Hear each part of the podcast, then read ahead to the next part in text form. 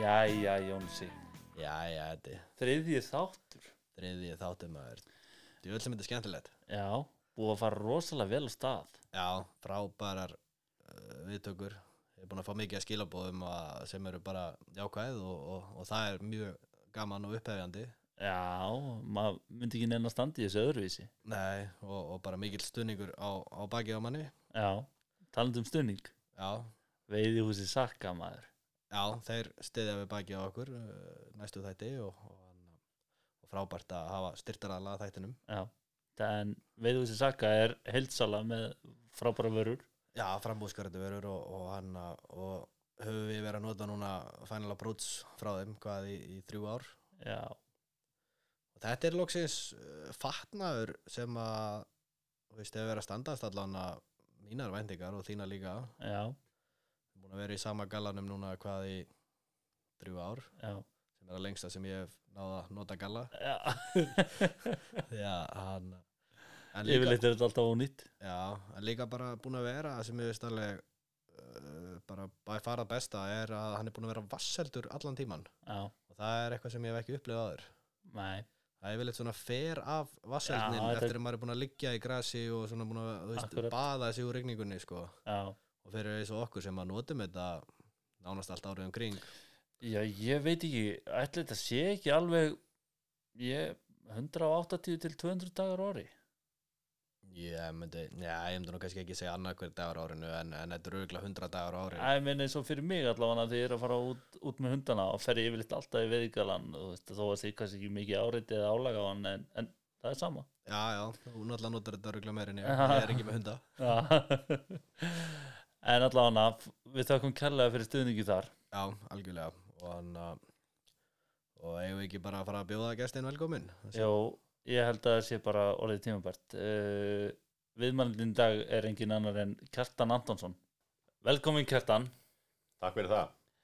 uh, Við Jón fengum við hérna í þáttinn til þess að uh, spyrja þið sp spjörunum úr og fá að vita svona aðeins þína sögu í veiðinni. Hvernig hvernig svona hófst þetta hjá þér Sko, mér langar að byrja á því að óska ykkur til hamingustráka með hérna skotviði kastið. Já, takk kærlega fyrir það Ég verði eiginlega að koma því að að hérna, ég sagði við ykkur fyrir, fyrir spjallið að ég hef aldrei hlustað á svona broadcast áður. Eh, Ég hlustað á fyrsta þáttin ykkar og svo að það setja ekki fram þá var það áður en þið höfðu samband við mig um að koma í þáttin og ég hef mjög gaman að því. En uh, ég hef nú verið að hugsa þetta svolítið, ég raun og veru man ekkert hvernig mín veiði og af hverju hún byrjaði. nei, Ég man hins vegar langt og undan því með allt mitt byssu fyrkt og, og allt þetta áður ég hafði uh, aldur og, og leifi til þess að vera að höndla byssu sjálfur. já, En, en veiði áhugin, þetta var nú fyrst sko, þegar maður var fyrir tvítur, þá var þetta mest að fara að skjóta máva og, og, hérna, og þess áttar. En í raun og veru var það ekki eins og ég væri að fara að veiða, ég var bara að fara að skjóta já, já, og svo hérna flyt ég til Reykjavíkur því ég er 21 ás hafði nú reynd að fara einu sinni í rjúpna göngutúr með öðrum eh, í Bólungavík Siðridal og sáum ekki rjúpu og svo leið svolítil tími þangað til að mér er búið á rjúpu í vinu minni Reykjavík. Og hann bauð með tvísvar eða þrísvar í minningunni. Og hva, hvert voruð þið þá að fara? Herðu, við fórum öll skiptin á, á hérna skjaldbreiður.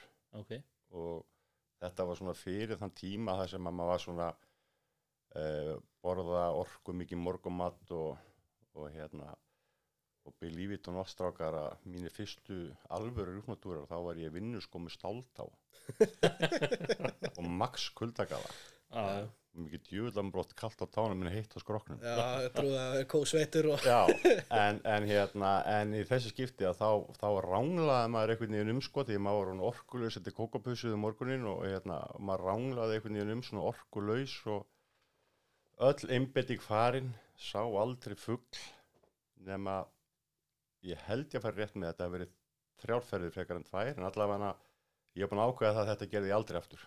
Ég var gjössamlega sigraður. Og þetta var ömurlegt. Eins og margir túrar hjá fyrstu túrar. Já, og þeir voru margir hjá mér þar sem ég fór sko fugslus heim, hvað sem það var að gæsi eða rjúpu en, en þannig er ég svona eitthvað að er ekkert að spá umhverfinu. Þegar að poppa rjúpu upp bara fyrir fram með bara nokkrum metrum. Já, og mér verður svo um að hérna, ég er með byssun á bakinu. Og ég náttúrulega skaut var ekkert að spá í fjallaðan eða neitt og mér til haps.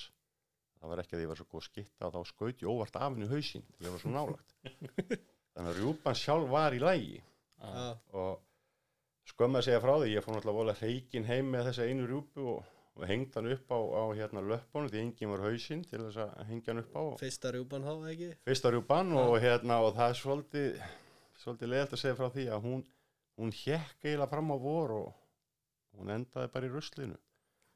En þetta var nótið þess að kveikja áhugan og, og, og hérna sem að gerði ekkert annan að magnast svo næstu ára eftir. Og þú hefur jafnla á þeim síðan? Uh, það er nú, já, ég hef gert það en ég var ekki alveg upp við neinar veiðar, Nei, engar veiðar þannig að ég hef aldrei skilið hvaðan þessi óbílandi bissu áhugi hjá mér kom, ég bara allan að hafi það verið eitthvað sérsta þá er búin að gleyma því. Já, það var aldrei byssur á mínu heimili. Uh, pappi var á móti byssum. Hann fór kannski einu svona sumri með hérna veiðistöng og hérna annað var það nú ekki. En ég var alltaf ákveðin því að þegar ég var í orðin komið aldur og þá hérna myndi ég alltaf köpa byssu og fara að veiða. Já, heldur þetta hafi verið alveg bara eins og fyrsta sprautan svona fyrsta rjúpan. Það svona kveikt einhverja fíkn Nei, það kveikti nú ekki alveg fíkn en það var til þess að ég fór uh, allavega aftur. Já, og við vorum svo í framhaldinu, ég fór ekki að veiða meira með, þessum vinum mínum en hérna Jóhann Birgis og Jonni æsku vinum mín að við skutum rosalega mikið saman. Já, og það var bæði gæs og rjúpa en fyrst var þetta aðalega gæs af því að það var miklu auðveldara. Og voruð þið þá að fara í kvöldflug eða morgunflug bæði. Og, hérna, og þegar ég séu auðveldara þá þurfti maður ekki að reynast mikið á sig. Það var alltaf búinn eftir þessar rjúpnadaga sko, maður var í engu formi og, og hérna en þannig að við lögðum miklu áherslu á gæsina. Og þegar Já. ég hlusta á ykkur strákur um daginn hérna, í síðasta þátt að ég hlustaði mig greitu konur minni. Já, og ég það, ég er nú þannig, ég, ég hlæ frekar inn í mér heldur en upp átt sko. en við hjónin hlóðum nú nokkru sinum upp átt það var gaman að hlusta á okkur en þetta svona myndi myndi mig svolítið á sjálfa mig og hérna Jonna í gamla daga. Ég man eftir við vorum að fara kannski tveggja, þryggja daga veiðifellir já, vorum að koma með enga eina, tvær. Já, og fyrsta skipti sem við fengum í morgunflugi eitthvað að gæs og ég get alveg sagt hvað það var það var í Berjanesi hérna í landi já, fyrir óbærslega mörgum ára síðan að þá komum við heim með nýju gæsir já, og ég man að hérna kærustunar okkar, þá basmaður við vorum bara algjöru kongar sko. við vorum bara smá djöfusis veiðumenn skilja, fyrir ekki í orðbæði en við vorum alveg við svifum bara um á bleiku skýi strákar. já, ég, ég trúi því en svo þegar maður hugsa tilbaka og ég er ekki að byrja á því í dag að hugsa tilbaka en ég hugsa í dag ef maður hefði lent í svona aðstæðum og þá hefði það ekki verið undir 70 því að þær komu svo gjössamlega steindöðar inn og við vorum báðið með hálfsjálfleikar haglabissur og stundum tæmdu við í svolítið stauða færin það var, það var erfiðar að hitta ekki heldur en að hitta. En, en við komum nýju heim og við vorum alveg óbóðslega miklu veðminn já, já, það er líka er oft svona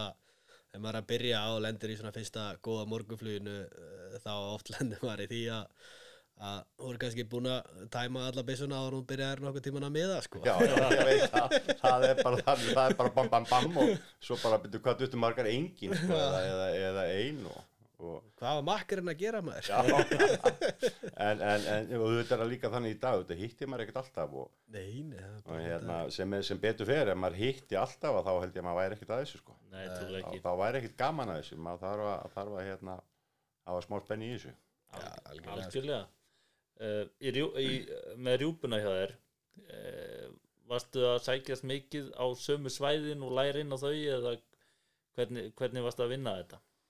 Það var sko fyrstu árin þar sem við fórum að stunda rjúpnaveðar að einhverju gagni og þá aðalega við Jonni saman. Ég man og við byrjum síðan í líkamsrækt saman, vorum í henni meira og minna í tíu ár.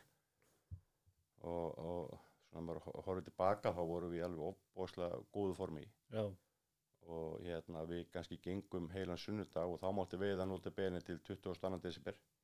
Og þá vorum við í fótbolt alltaf tvísari viku og það er á meðal á sunnudum klukkan 8 já, og kvöldin. á kvöldin. Já. og þá vorum við kannski búin að ganga heilan dag á rjúpu, ekkert langt frá Reykjavík þá máttu alltaf að veiða nær Reykjavík heldur en í dag, en búin að ganga allan daginn. Þá bara heyrðu við náum bolton og þá bara brunað heim íþróttufunni sótt og farið í bolta í klukktíma já, eitthvað bilaður eða? Uh, en, en, en þarna, og þarna sko fór maður að kynast í hvað er óbáslega gott að vera í góðu formi. Það er ekkit gaman að ganga til rjúpnum svo vitið að gera nokkuð skapaðan hlut sem að krefst líkamlegar áreinslu en maður er ekki í þokkalega góðu formi.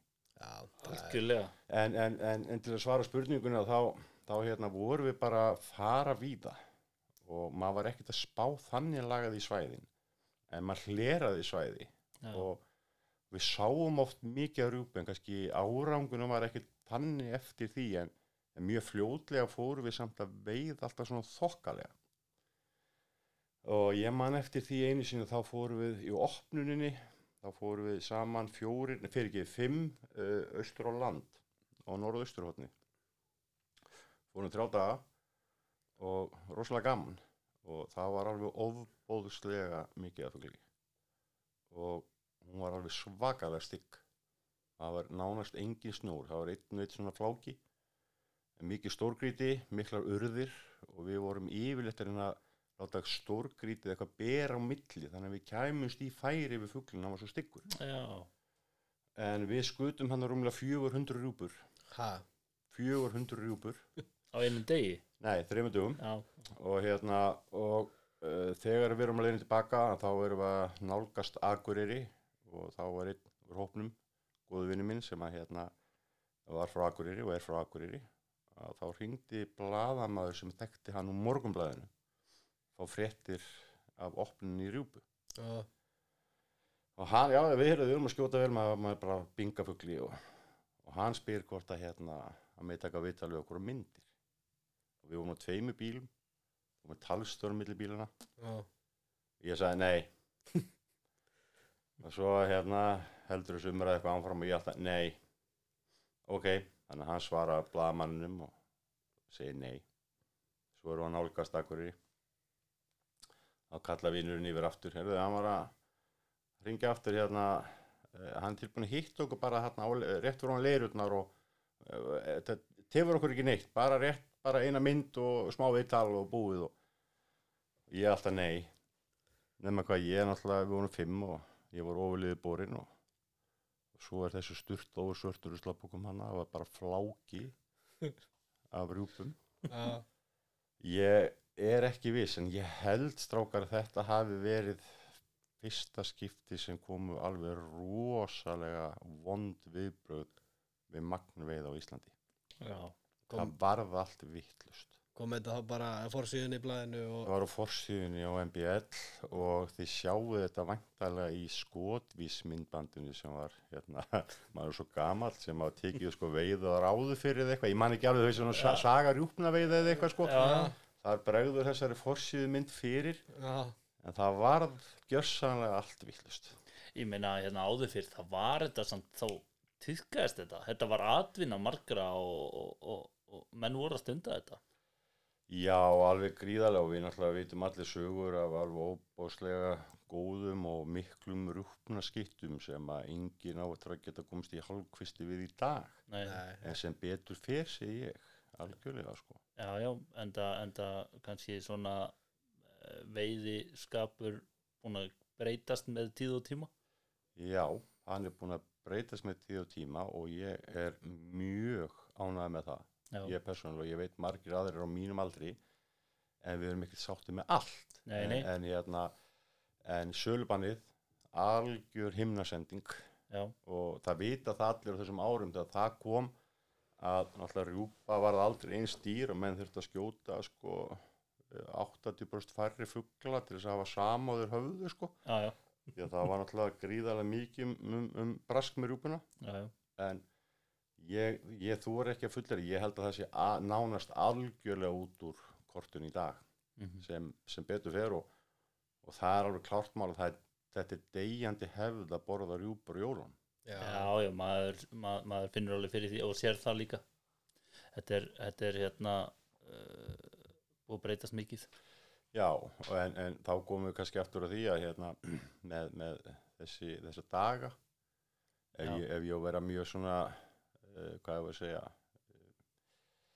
Uh, mátt bara segja þína skoðun? Já, sko ef maður, maður skoður Ísland sko, ég, nú, nú er ég bara að koma einhverju tölu, það getur pluss mínus eitthvað, en Ísland rjúpan og Íslandi, hún er ef ég ætti að skjóta hún er friðuð á 80% af landinu Já, Já. ég meina, sér það bara, þú veist, þú ferða á einhverja vegi, vegi, þú veist, þú nærðaði að labba meira en kannski 15 km frá vegi topp, sko, Akkurat, þú ert að labba tilbaka akkurat og, og það er kannski 200 km eða eitthvað á milli vegslóða, sko, þannig að þú ert með alveg gigantist plássan á milli sem að enginn fer á, sko. nákvæmlega. Og svo ertu með fjöll í fjaska og allt og hæðir og hóla sem þú kemst ekkert á Þannig, að- og svo, svo fyrir utan það eru margir bændur líka fannir að taka upp hjá sjálfur sér sem að auðvitað þeim eru sjálfsvægt sett að, að banna rjúknaveðar á sínu landi og Já, þannig að, að hérna og svo þetta eh, 12 dótarið þarna að byrja klokkan 12 á háti ég meina ef maður að vera sjálfselskur og þá kannski að er fínt þá þarf ég ekki að stressa mig. Já. en, en þetta er samt algjörlega út úr kortin Já, Ég sá einu sinni vídeoðaðir sem þú postaðir inn á skotuveðispjallið varðandi þessa daga. Já, þá varstu, tala, þá varstu í brjáluðu veðri. Já, uh, það er svolítið til í þessu og, og menn ættu kannski eða ekki menn heldur ættu kannski að- berjast meira fyrir því að fjölga dögum aftur heldur en að vera berjast fyrir því að losa sölubann eða eitthvað slíkt Ég er algjörlega sammála því, mér, sko, ég held að sölubanni það sé alltaf komið til með að vera og ég vona það allavega og ég, ég, við vitum alveg að það Já, er það komið verður til að vera, það er ekkert að ræða þannig sem er alltaf frábært og það er eiginlega einn stærsta fríðun aðgerð sem er gerð hefur verið á, á rúknarstofnum í Íslandi. mm Mér finnst það, mér, finnst það eitt af því örfáa sem að þessir gæjar á baku skrippborðið hafa gert að viti Já, að það er sölubannið en, en sko svo koma reglur, það má byrja að veiða klukkan 12 þá að fara að hártoga.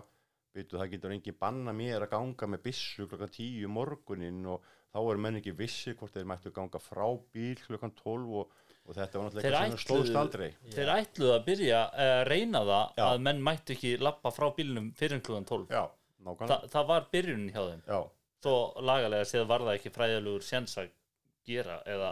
Nei, ég meina eins og bara rjúpnasæði sem að við, við Eddi dæmis farið á, þú veist, það tekur bara um það byrjum tvo tíma að ganga á rjúpna veiðilandið. Akkurat og ef þú byrjar klukkan 12 þá, þá lappar í tvo tíma, ert loksins komin á veiðilandunar og þá þarf eiginlega bara að fara að snúa við til að komast í bílinn fyrir myrkur, sko. já, já, já. Það er, það er akkurat máli sko. Þetta gengur ekki alveg upp, sko.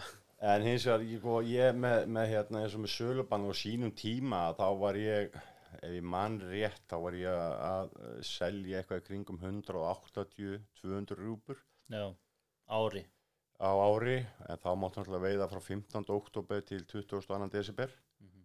og þá valdi maður bestu dagana, maður tók frí í vinnunni, þú veist, ok, það er stilla á morgum heiskýrt og maður var svona, eh, ok, ég ætla að vera alveg ærlegur, maður var samt í raun og veru ekki að njóta sín Nei, vegna þess að það voru svo margir á bakinu á manni sem að manni fannst maður vera skildu til þess að bjarga jólunum innan gæsalappa. Já. Þannig að í raun og veru var þetta, þegar maður horfið tilbaka, þá var þetta sko, auðvitað var þetta að vinna því maður var að selja rjúpu, já, en maður var í fullri vinnu með, en maður tók bara frí þessa daga að, og þá valdi maður dagana. já.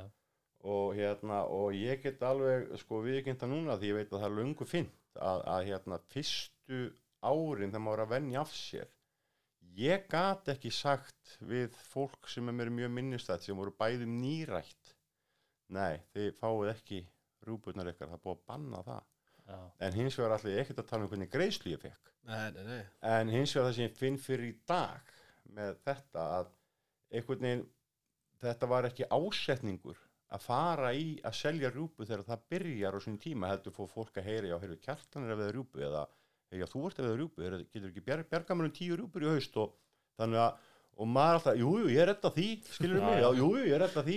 Svo þetta orðið þannig að þetta var orðið svona eiginlega kvöð á manni. Mm og ég get sagt ykkur til dæmis að hérna, það var einn sem var svona af algjörlega gamla skólanum. Það var alveg prinsip í honum. Hann er því alltaf á 50 fyrstu rjúputna sem ég myndi skjóta. Já, og þá mátti byrja 15. oktober og þetta var mjög hérna, frægur veiðimaður, ekki skotiðimaður og því hann letar hanga fram á jólum.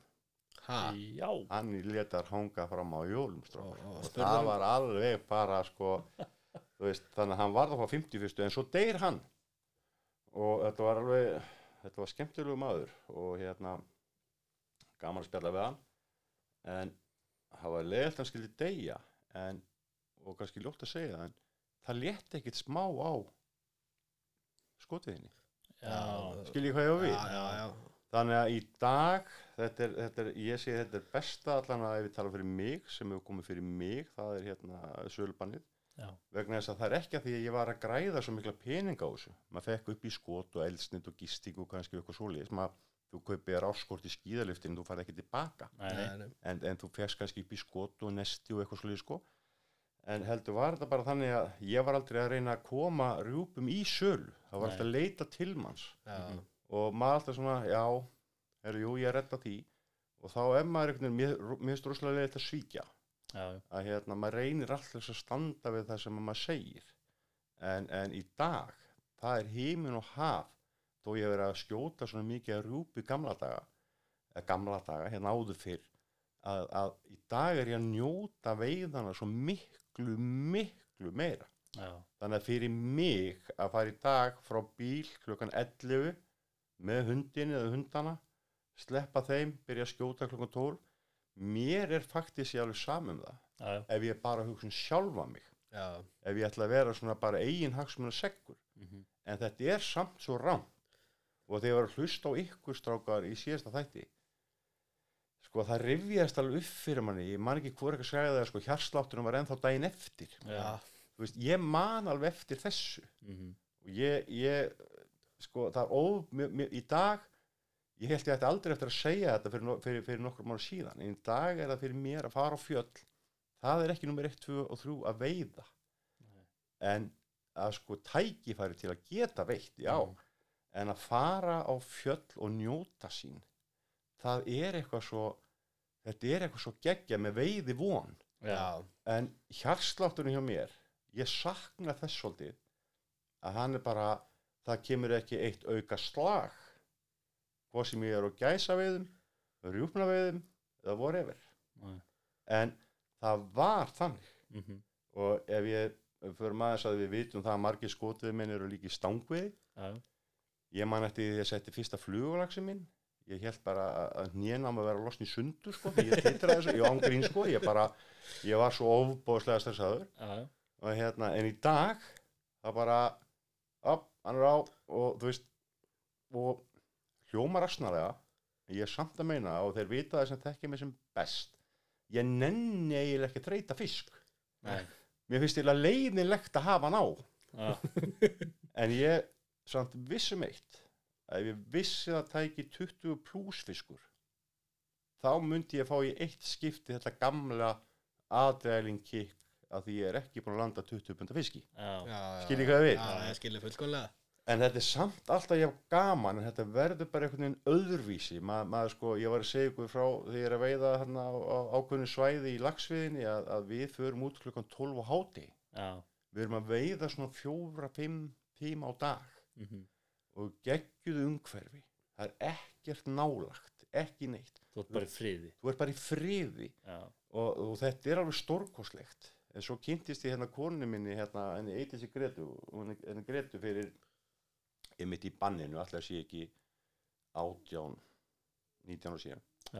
Allan þegar banni var, hérna rjúkna við banni og þá var ég, átti ég hérna tvo hunda og, og ég var að þjálfa þá og þá bjóð ég á Akureyri fór þar að vinna fyrir, fyrir BM Valla á sín tíma. Og ég fer að slá mér upp með Gretu og, og hún hefur áhuga hundum eða svona fór að vaksa hjá henni, hún fór að koma með mér á æfingar og, og hún átti ekki til orð þegar hún sá sko hundana 200-300 metr úti allt innu frjósa og svo koma með hann að og það var rjúpa fyrir framann hundin og þá kom upp í henni henni langaði að prófa að skjóta rjúpu. Já, ég segi nei, það er bannað. Og það er svo merkilegt hvað hann breytist þegar maður var yngri þá eitthvað veginn var allt bannað en mátti samt. Já, núna er það banna og þá er það banna og þá langar mann ekki til að gera það því að það er banna já, já, en þið getur nú ímyndað ykkur hvað ég var skotin í henni að hérna og er reyndar enn að hérna það var eitt skiptið þá laumaði ég haglabissinu í bílinn og hún vissi ekki á því. Svo förum við að æfa upp á valaheiði og að þetta er nú fint þá getið satt frá því. Já, að mjög fljótlega tekur tíksjón sér selda, tekur mjög fljótlega að standa á rjúpu, kannski 100 metrar frá bíl. Og hérna og ég segi við Greti, viltu skjóta hana? og það stækkuði í henni augun. Við erum ekki með byssu, sá ég segi, jú, ég er með byssu. Það bara, já. Og ég er ekki að platast okkar, ég náði eitt skot. Ég var bara með eitt skot. Já, ég sagði, þú fær einn sjens og hún nýtti hann vel. Mhm, en ég bara, hvað var ég að gera? Skilur maður bara hljóp og náði rjúpun og hljóp í bílinn, þetta var bara vaðarlega ekkert að gerast um hauskilur mig bara snjór og hérna. En, en þetta, er, þetta er eina rjúpan sem að hérna um æfinu sem að ég hef tekið þátt í að skjóta já.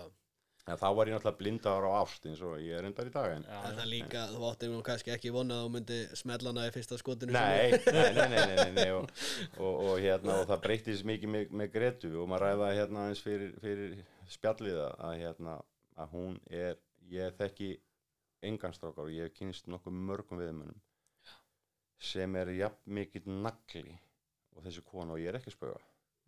Og þið þekkið menn sem ég þekki sem hafa farið með hennar rúpu mhm, og þeir áttu ekki til orð. Hún gefst aldrei aldrei. Nei, og hún er sko það er aldrei of vond við til þess að fara rjúp og ég er að segja ykkur satt. Það er kannski aðeins slæmt fyrir þig. Uh, já, sko, tvisa sinnum, ég hef oft sagt þessu sögu. Og þá byggum við Kópói og það var, ég vissi náttúrulega að það var kolvillistöður upp á heiðum og svona. Og hérna hún segi kæftan, þetta er ekki svo slæmt. Ég segi ástu mín, það kom út úr bæinn og er þetta kolvillist tvisa sinnum þá gerði ég það að ég fór með hann. Fór með hann allarlega upp á heiðu segi ástu mín, ég var að fara út.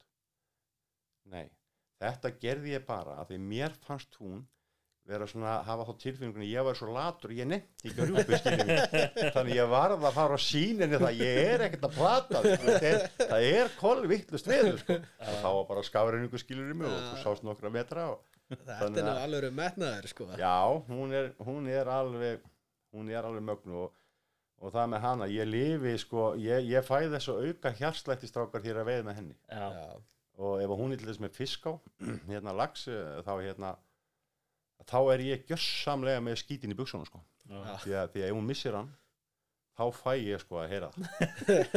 Og umhverfið fær að heyra það. Já, hún verður alveg snar þannig að, að ég verð rosalega spenntur þegar hún er og svo er það á rjúpunni það er alltaf þannig að hérna hún lendi slísi fyrir mörgum ára síðan og hún er með svona stífan háls og hérna leiðin í öxl.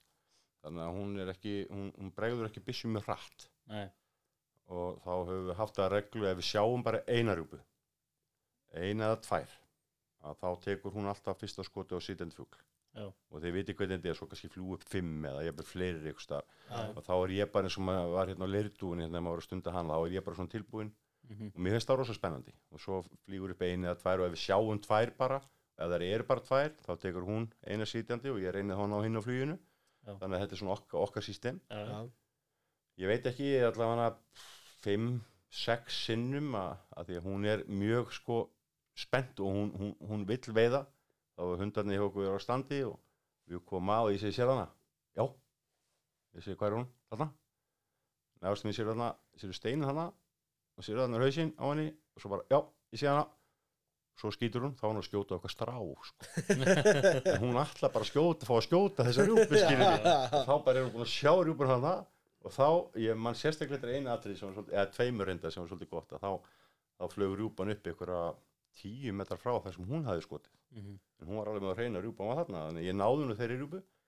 Og svo var það einhvern tíma fyrir mörgum ára síðan að þá var hann búin að skjóta á sömu rjúpuna tvisar og rjúpan horfði alltaf á hann og þá skaut ég henni þrjá skot og sagði, nú ertu búið með sjensin en, en hún er samt hún er samt í þarna hörku skitta hún er það ef hún sér fuglin já, já, það er bara líkilandrið er, við, hefum hérna, já, við hefum alveg opaslega mörg hérna, góð móment saman og, eru það eins og uh, þeir eru með rjúpnaðunda já, uh, eru það að æfa saman hundana? Hund- Já, það er endar sko, þetta er okkar aðal áhugamál, það eru hérna veiðar með hundum og þjálfa Já. hunda, aðal að þjálfa hunda. Já, og þessi hundar sem við erum með þeir eru náttúrulega öflugi sækja líka og, Hvað, og hvaða tegund er þið með? þetta er hérna vosti, snöggarður, ég kallaði þískibendar, þískupointir og hérna við flutt, við erum flytja einn sex svona hunda og erum að reyna að flytja þá mjög góðum blóðlýrum og svona og Ok, að hérna uh, þetta er svona, já við, við eiginlega gerum allt saman,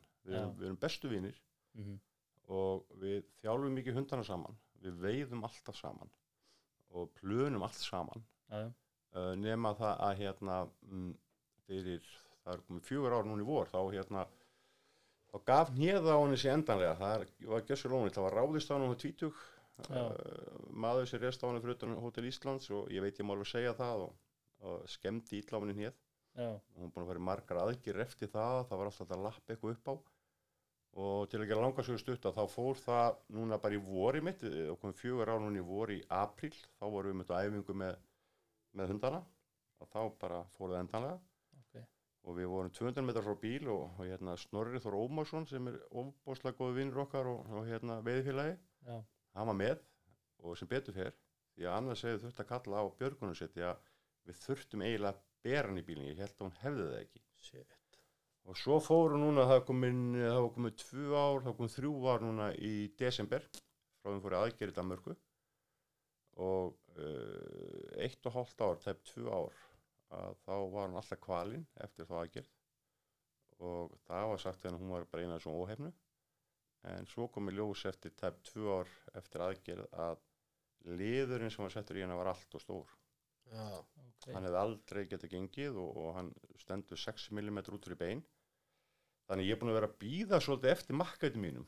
Já, og hérna Snorri Þrómarsson sem ég myndist á hann þetta er, hann þetta er alveg einstaklega góður hérna vinnur okkar hjóna alveg einstaklega og við veiðum mikið saman. Og þegar við erum þrjú saman þá hérna erum við alltaf að veiða saman rjúpu. Við fyrir alltaf þrjú saman rjúpu. Já, og þannig að við vorum að skjóta svolítið saman í haust ég og, og Snorri þegar Greta hefur ekkert komist. Nei Hún hlýtur að sitja heima alveg gnýstandi tönnum og Já, þetta er náttúrulega svona langur tími, þetta er svo miklu meiri en það, það er ekki bara veiðin en við höfum getað reddað því samt öll þessu ár fyrir hana að keira með hana og reyna að finna einhver stöðar rjúpu þar sem að hún sér hún að geta fara skotið eina til að geta hafa sagst þetta ég skoti eina já, nema núna í haust, þetta er fyrsta hausti þess að hún skýtur enga. Já. Þetta er kannski ástæðan fyrir því að, að hjarslátturinn er farin að minga uh, Já, eh, já, líklega. Ég er bara, ég, ég það, það, það veit enginn fyrir reynt hefur. Nei, bara þið eru ofbóðslega góði vinir. Já, og svo allt í einu myndi annar eitthvað vera bara úti í 2-3 ár. Það væri erfitt. Þá, þá sko, þó þið séu ekki hjón skiljið mig, Nei, nei, við Greta þekkjum hvort hann óbáslega vel. Já. við erum búin að vera saman í hvað 19 ár 18 ár gift í, í 17 eða 18 eh, ljótt að segja maður manna ekki alveg. En, en það, þá vantar svo rosalega mikið. Við erum í þessu ekki til að veiða svo mikið heldur bara að njóta okkar saman. Já, já, þetta er svona okkar, okkar aðal áhuga mál og hérna en það horfið til betri vega þannig að hérna, það þarf að væntalega vonandi núna fljótlega verður þessi liður slegin úr og, og réttur liður settur í staðinn. Það er vonandi að, að það reddist aftur á tíu. já. En ég, ég verða að spyrja einu, þetta bara fer ekki úr hausnum að mér núna. Hann er með mannin sem þú seldi 50 fyrstu rjúpurnar já, sem letar hanga fram á jólum frá uh, oktober já, Bauða þér einhvern tíðan í mat? Já. Og hvernig smakkaðist eða sko alveg merkilega merkilega vel. Í uh, alvöru? Ég get svo svarið það og mér kveið svo fyrir þessu matabóðistrákar ég ekki ykkur það. Hann er búin að reyna og þetta manni, hann er búin að reyna tvisið sem að bjóða mér mat. Já, og ég kom mér allt undan og, og takk eftir því. Þetta var ekki á jólunum hann bara let, let sko og í raun og veru gerði hann það. Konulega sinni elda bara eins og væri jólamatur til að leifa mér að smakka rjúpu sem var búin að hanga svona lengi. Já. þannig að hérna, þetta var sko í desember og fljótlega eftir hafði hann sínar jólarjúpur. Og, og, og, og þetta er bara, myndur að segja að þetta væri betra? Nei, ég myndi ekki segja það. Ég myndi ekki segja það, nei Ég, ég hefði nú bara, ef ég væri búin að láta þær hanga sín í oktober, þá væri það sannlega komnar í ruslið í desember Já, já, en það var náttúrulega í gamla dagastráka þá voru einhver fristar til og, og, hérna, og þetta var náttúrulega bara geimslu aðferðin og, og rjúpan og við þetta þotnaðum bara. Já, þú veist, þetta er bara en, en, en sko hún var mjög vel ætt og, og, og þú veist, þannig að þetta var bara gemslað fyrir því. segðu okkur eitt við erum svo forvitnir. Veitiru Reykjanesið og Hellisheðina Já, mikið áður, áður en bannið kom þar. Uh, ég myndi ekki segja mikið. Nei, Nei, alls ekki mikið, ég, ég, það var rosalega sjálfgjart, sjálfgjart það kom fyrir að maður fór á mótni og veitti heilan dag. Mm en, en hérna, þetta var rosalega oft sem að maður fór eftir vinnu. Já, það var alveg frábært, ég var í þannig vinnu að hérna, við gáttum svona byrja fyrir og búinni kannski háti og, hérna, og ég var að vinna á höfðunum og átti heima á höfðunum þannig að hérna, ártúnsholtinu þannig að þetta var bara bim bara búm heim í gýrin og upp á Móseseiði eða eitthvað og hérna tók 2-3 tíma.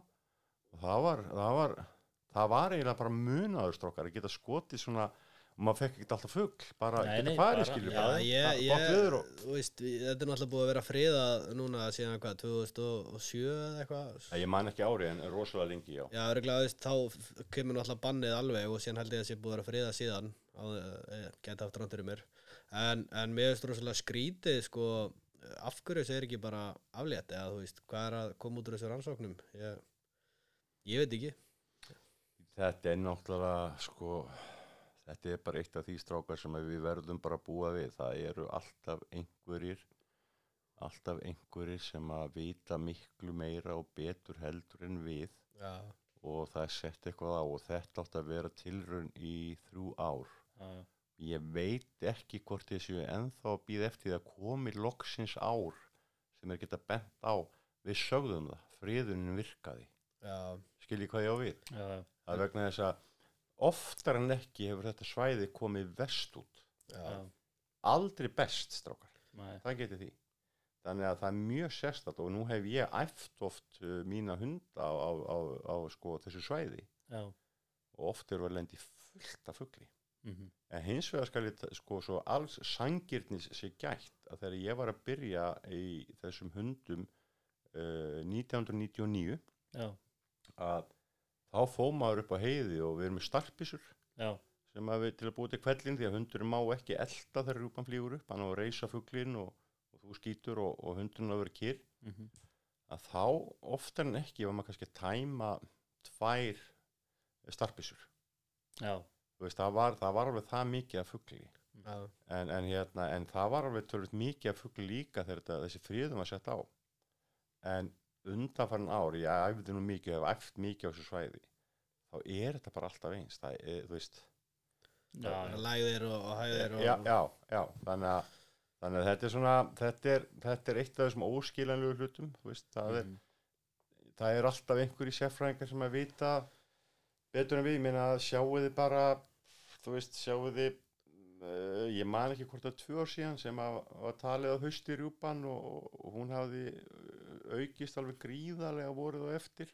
Mhm, þá hafði hún fjölgað sér í fyrsta skipti og menn gera grín af því, sko, náttúrulega brandari að fyrsta skipti sem að rjúpan verpir á veturnar. Já, ég man eftir þessu. Já, veist, en þetta, þetta segir bara svo mikið, sko. Já, já, já, sjáu þið bara sko hvar myndi það líðast að formaður fugglafriðunar félags einhvers lands eða hvað þetta heitir hafi mest um það að segja að koma að veiða af ákveðinu fugglatjónd já, þú veist, skoðið þið strákar ég kom nú ekkert með já, mér fannst það mér sem nokkuð góðu pistill á skotveðspjallið mhm, Fekk, ég hef, ég man ekki eftir að nokkuð pistill hafi fengið ja, mikil viðbröð og að vitnaði í þetta í fjöðmjölum og annað að hvernig er farið með peningana sem við erum að borga í veiði hvort að sjó já, já, já, ég man eftir þessu. Þú veist, þetta er, þetta er, þetta er svo stórkostlega eitthvað bóið þetta.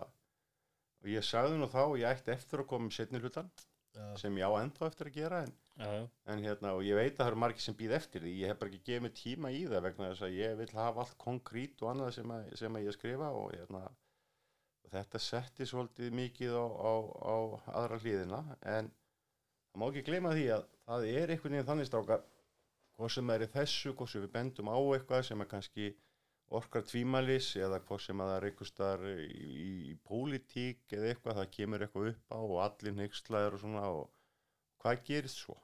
Þá, svo kóðunar þetta niður.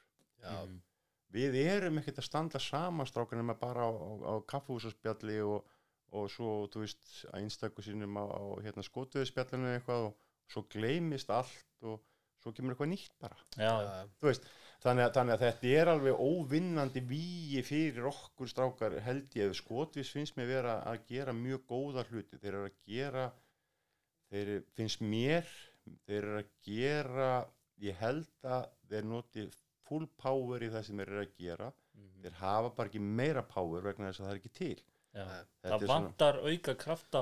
Uh, nú er ég búin að vera uh, að fylgjast með skotvis í svolítinn tíma. Já, ég var mjög gaggrinn á það fyrst. Ég líka. Uh, ég er búin að fylgjast með þeim núna í já, fjögur fjögur, fimm ár. Þeir leggja rosalega kraft í rjúpuna. Þeir hafa ekki meira power í gæsina Nei.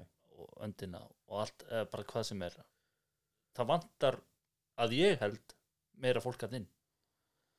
Já, það, ég held að það sé, held ég að fara rétt með, ég hef sé það að sé, sé tillaga um það að veri fjölgað í stjórn. já, Því að það er nú oft þannig strákar og það er alveg klart mál að skotvís er að vinna eins vel og þeir mögulega geta Algjörlega. skotvið fólk á Íslandi. já, En það held ég mjög vel við í þessu tilfelli þó að ekki við í öllum tilfellum að margar hendur vinna létt verk já, og þannig að ég held að það sé mjög góð tillaga og ég held ég var rétt með að hún verði lögð fram að við lesið það einhverstuðar að hérna, það verði fjölgaði stjórn Mm bara til þess að deila álegin á þetta fólk. Algjörlega. Og, og, hérna, og það eiga allir allt skotvið fólk á Íslandi að styrkja skotvís með því að vera í skotvís. Algjörlega. En, en, en hafandi sagt það þá, þá við það sem ég hef lifað að, að sem að er nú 55 ára verða. Það er, það er ótrúlegu munur þegar ég var tvítur eða 25 ára ég, mér hefði aldrei, ég hefði aldrei lagt pening á borðið sko, ég hefði alltaf lagt gegn því að, að hlutirnir staðanir í dag eins og hún er versus þá. Já, og hugsa ykkur eftir að veiði hvort að sjóður koma á laggirnar og, og hérna vöktun rjúpunar og allt þetta. Spáið því. Rjúpunni hefur ekkert gert síðan að veiði hvort að gera koma á. Mm já, spáið því, já, samt er veitt margfalt minna af rjúpunni. Já, já. Veiði hvort að kerfið, veiði hvort að skráningin þetta er ekki skýrt fram, það átti aldrei að nota hana gegn, veiði hvortin átti aldrei að nota gegn veiðmönum, Nei. það var gert um leið. Já, vegna þess að það var sko komið tillaga að skjóta ekki meira en x margar rjúpur. Já, já. svo kom, já veiði með skutu x x margar rjúpur, já. skiljið mig. Já, það er strax, það var strax fara að nota það gegn okkur. Persónlega ef ég geti sko bara smelt fingri þá myndi ég, ég veit ég á ekki að segja því, ég geri það samt bara það er mín skoðun sem Já. kann að vera raung Mm. að þá á engin að skila veiðiskíslu þá að setja núl í allt saman. -hmm. já, að því að þar erum við kannski líka svolítið að, að standa saman. Já, já. þar erum við kannski að gera eitthvað. Við erum að sína sko ef við ekki segja bara að kalla þetta verkvall já, já. skiljum við, en við getum samt farið að veiða. Og ég veit það ekki. Það, það, þar, það, það sem er tekið af það er ofbáslega erfitt að setja það á aftur. Og, og ég, ég segi oft strákar ég er alveg ofbóðslega gladur með það að ná í endan á þessu frjálsræði. Já. Skiljið hvað ég ég, veit? ég öfundaði þig sko. En, en, en það er kannski ekki til þess að öfundast af vegna þess að ef maður þekkir ekkit annað en ég veit alveg þið, þið, þið er náttúrulega stundaðið þannig að þið viti alveg hvað ég á við. Auðvitað átt allir sig á því átt að sé allir á því djúl vildi ég fara í dag að veiða rjúpu? Þú veist heiðskýrt og allt svona, ég má það ekki. Mhm. og sölbannið uh, dæmi, ég fór síðasta daginn á rjúpu núna með hérna góðum vinnum mínum og miklu veiðmanni, miklu meiri veiðmann heldur ég nokkuð tíma og nokkuð tíma á nokkuð tíma þetta er að verða. Mjög mikil og að væri snjór. Já. ég vildi fara þar sem ég þurfti ekki að fá einu einustu rjúpu og þetta er alveg satt. Já. og við vissum alveg um svæði þar sem var tölvöld mikið af fugli. Ég vildi það ekki að ég vildi fara þar sem að væri snjór þannig að við fórum lengst upp á hálindi. Og þryggja tíma akstur. Já, og við vorum að veiða með hundunum mínum og hafa með labratur sinn. Mhm. uh, þetta var geggjaðu dagur. Það var, það var svo gott við strókar hundarnir voru að vinna alveg sérstaklega annar þeirra alveg rosalega vel. Uh, við vorum að njóta okkar hana vininir og við fengum nokkra rjúpur. Og er einustu undan tíkinni hjá mér. Já. ég hafði rosalega gaman að því að sína hérna vini mínum góðan fugglönda hann og labrador, mjög góðan labrador. Mhm. frábæran labrador. Og þetta var dagur þetta dagur sem áttur að standa alltaf upp úr hjá mér.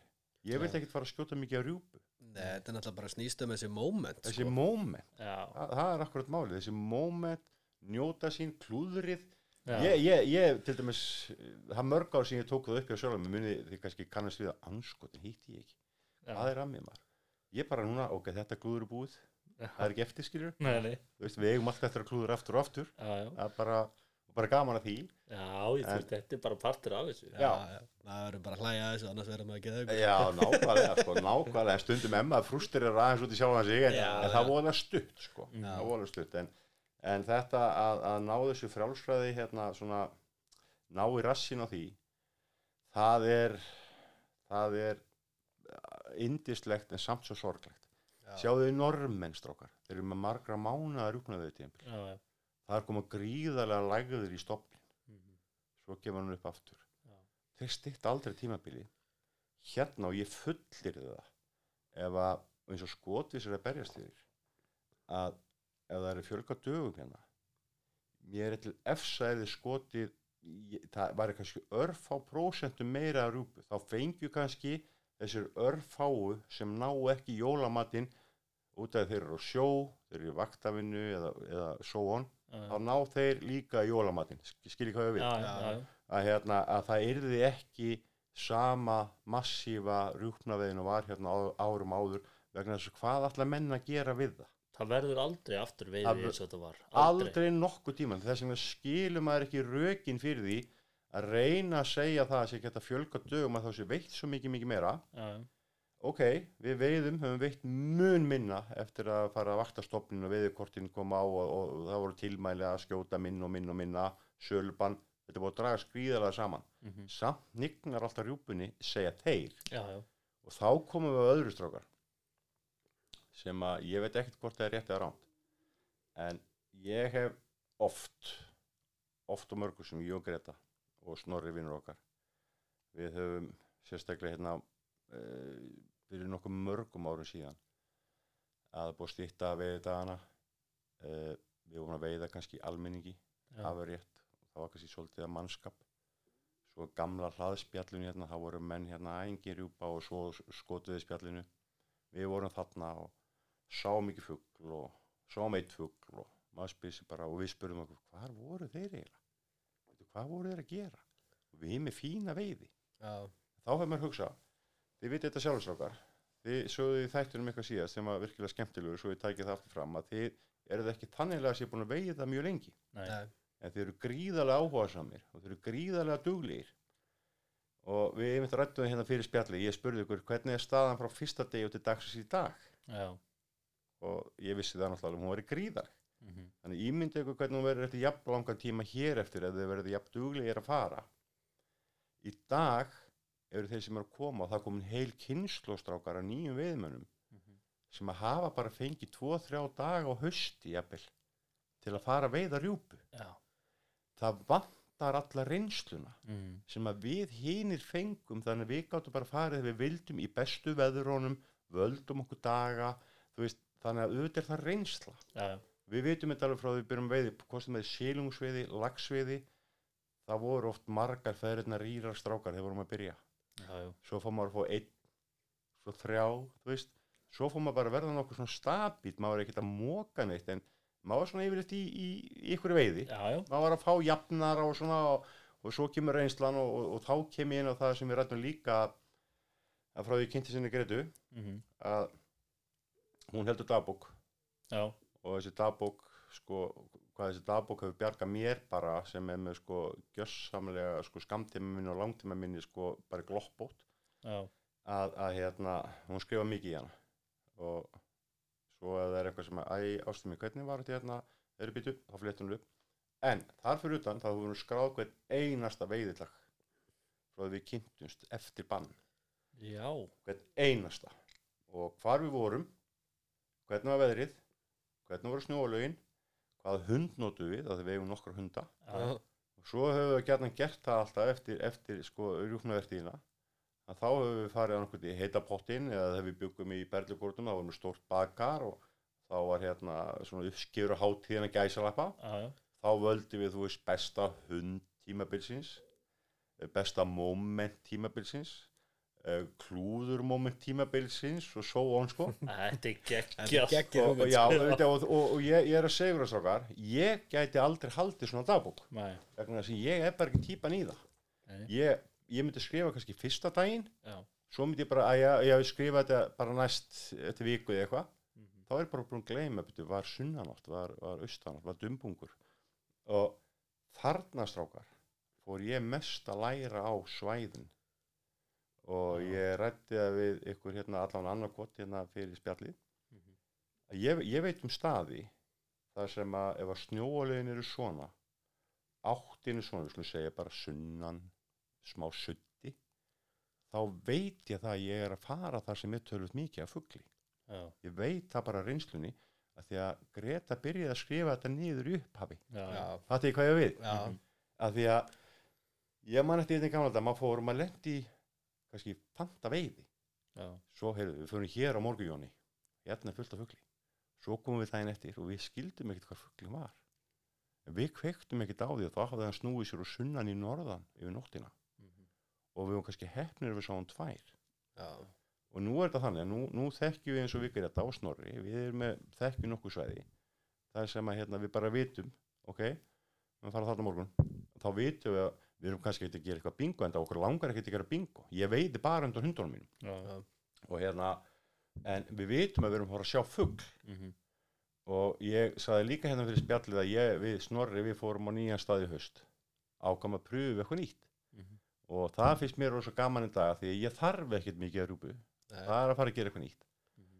og við fórum á alveg ofbóðslega flott svæði. Það var, bara, það situr í mér þetta svæði það með við mína reynslu. Já, en þá áttur að koma í ljósja með hvort það sé verði, verði rétt hjá mér það sem ég held að við sáum eina rjúpu allan daginn. Já, ok. En við sáum á nokkur stund smá ummerk eftir rjúpu. Já, svo kem ég heim og hérna og ég náttúrulega hitti Gretu og hún hefur gaman að fara yfir daginn og maður náttúrulega snappar henni rosalega mikið þegar við erum að veiða og hún vil náttúrulega mikið vera með og, og það gerir mikið fyrir hana því hún kemst ekki. Akkurat. Þá var bara dagbókin, hvernig var veðri gert við bara búm, hún skráður allt niður. Já, og ég get sagt ykkur það að ef það eftir að koma aftur svona snjóalög eins og voru á, á núna í haust þarna þá er það klárt mál að ég nota fyrsta tækifæri til að fara á þennan stað í annar átt. Já, það verður frólægt þú Já. mátt leiða okkur að fylgjast með na, þú samt ekki að segja okkur hvar staðurinn er Nei, en bara svona hvort, að, það hafi gengið upp eða ekki sko. en, en nú er ég bara að segja ykkur að vegna þess að, að sko, og kannski til þeirra sem eru að stíga fyrstu spórin við erum að fara á svæði kannski fyrsta skipti. Og það því er engin rjúpa þú veist, og jafnvel ekki ferlar eða neitt þá hérna, eða harðu snjór og ferlar sjást ekki eða whatever og snjóði verið allan skít hafa hún verið þarna fyrir tveim dögum og svona þá fara menni ekki þar aftur. Nei, nei. Að það var engin rjúpa. Já, þá er um að gera, heyrðu, þetta var nú samt flott svæði. Kannski of mikill snjór fara inn í minni snjónast eða, eða ok, það var, það var fýtt snjór áttum að svona, ég ætla að pröfa að fara bara næstu í gagstaðir átt næstu eða eitthvað, þú veist. Já, já, og svona og veitir þessi, þessi dagbókafæsli hróni Gretu hafa kent okkur hvað mest. Já, það er bara starrið já, þetta er bara þetta hljómar eins og bara besta hugmynd sem ég hef heyrt sko. Ég, ég, ég er, hef verið eins og þú einmitt svona algjör kjáni við að, að skrá þetta niður og svona og svo er maður alltaf að reyna að rifja þetta upp sko, er þetta gekk vel þannig fyrra? Var, hérna, var norðanátt eða bara svona já, jú, var það ekki? Það sé að fem maður í veist, norðanátt aftur og, og komin á staðinn og búin að labba svolítið og svona nei, það var, það var sunnanáttinni fyrra. Já, já, nákvæmlega. Og alltaf ég var til fyrir og það er ekki taldi núna Já. þá ferður svona aldrei að aftur. Já, já, já, en, en, en ég er svo þú, ég gæti ekki haldið dagbók. Nei. en, en, en Greta hún er alveg fókusir á þetta. Já, og ég sko eftir að hafa kynst henni þá veit ég alveg að ég varð betri rúpnaveiði maður skiljið mig upp á að það er svo mikið samspilið veist, um veiði er bara skilirði Mhm. það er alveg saman hvort það er lagsveiði uh, skotveiði, færaveiði þú veist, mér það, bara veiði er alltaf skilirði já, og, og við þekkjum þetta alveg tökum lagsveiðina uh, það, það voru þurkar Mhm. fullt af fisk í ánni, þú reyfir hann ekki eða valla, það er einn og einn að tínastu Já, já, svo kemur flóðið, þú veist, það er grenjandi rigning.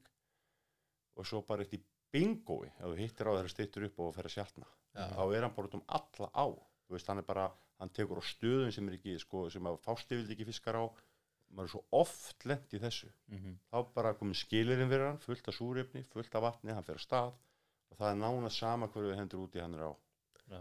En mér langar að Anna spyrja það einu bara svona frá, frá eigin reynslu um, að þú hefur nú stundar uppnað við tölvört meir en ég að hann að nú manni og situr svolítið eftir minn límir að ég fór að rjúpu ég held að það hef verið með, með þetta geti að verið með einhverjum öðrum. En þá er bara svona góðviður góðviðurstagur og þetta var áður en að var hann að þú mátti veiða sett fyrir hátegi, mátti bara veiða allan daginn. Já, og við förum hann að tveir og, og löpum hann á og bara algjörlega einir, allan daginn.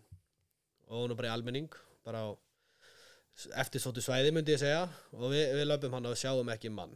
Heyrum ekki byssukvæll og, og eða kannski einn eða tvo eða eitthvað og við veiðum bara fínt við, eða veist, tíu rúpur á mann eða eitthvað svo leiðis bara nóg nó í jólinn bara handa okkur Já. sikkurum sko. Já, bara þrjusu dagur og við erum að labba bara frekar snemm í bílinn sko, kannski svona um tvö þrjúleitið bara konni með nóg í bókan og ánæði bara og, og þegar við sjáum bílinn bara fjaska þá sjáum við tvo menn og svo löpum við nær og þá sjáum við fleiri menn og svo þegar við erum að keira í burtu þá er öll líðin bara krökt í mönnum og veist, allt raunverulega í augnfæri frá bíl eða þannig, þú veist, kílómetr eða einn og hálfur eitthvað svo leiðis og, og, og ég held oft svona að við skotveðum en séum okkur skotveðum ennum vestir sko, af því að við erum hana bara fullt af fugli sko, þú veist, við veitum ekkert allt sem við sáum, sáum alveg tölvert meira fugli, já, en, en við förum bara heim og sáttir og, og, og svo sé maður á skotveðspjallinu um kvöldið eða daginn eftir eða eitthvað og svona menn ekkert að frétta hennar sunnalands og, og eitthvað svona. Og, og þá kemur það í morgunblæði veiðin fer illa af stað menn veiða lítið eða eitthvað skiluru já, um, þú veist, hefur þú tekið eftir þessu? Það er kannski menn er ekkert að sækja nógu langt frá bílnum eða svona kannski ekki nógu mikið ganga til að komast í staðina sem er fugl eða já, byttu fyrir þeim maður. Þá erum við að tala aftur um formistrókar Mhm. En, þa- en þarna finnst mér bara oft koma svona nei, neikvæð umræða sko yfir kannski rjúpna stofnin sem á ekkert rétt á sér sko. Ertu þá að meina þessi og margir á sama stað eða, eða? Já, sko ekkert endilega á sama stað, þú veist, þú er, við erum með þarna, þú veist, þú ert með alveg bara 15 km í allar áttir sem þú getur labbað.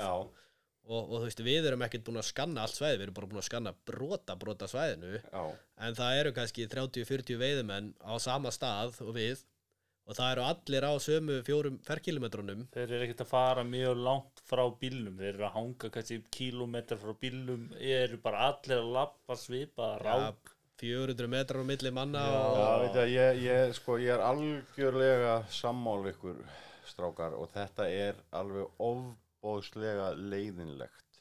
Og ég eh, hef nokkur sem sem betur fyrir hef ég ekki lent oft í þessu.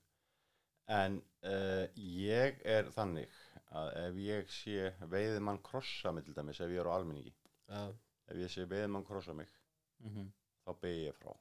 Já. ég gef honum bara svæðið ég hef einu sinni og það getur því einu sinni og öllum þessum árum talað við mann sem að, að var þá eftir mér og Gretu við erum að ganga það er engin sjáanlegur. Og við erum að, þá að veiða með, með seldu. Já. og við erum að kroppa einn og einn fugl. Það var sko svolítið, dreifður en þetta var góðu dagur.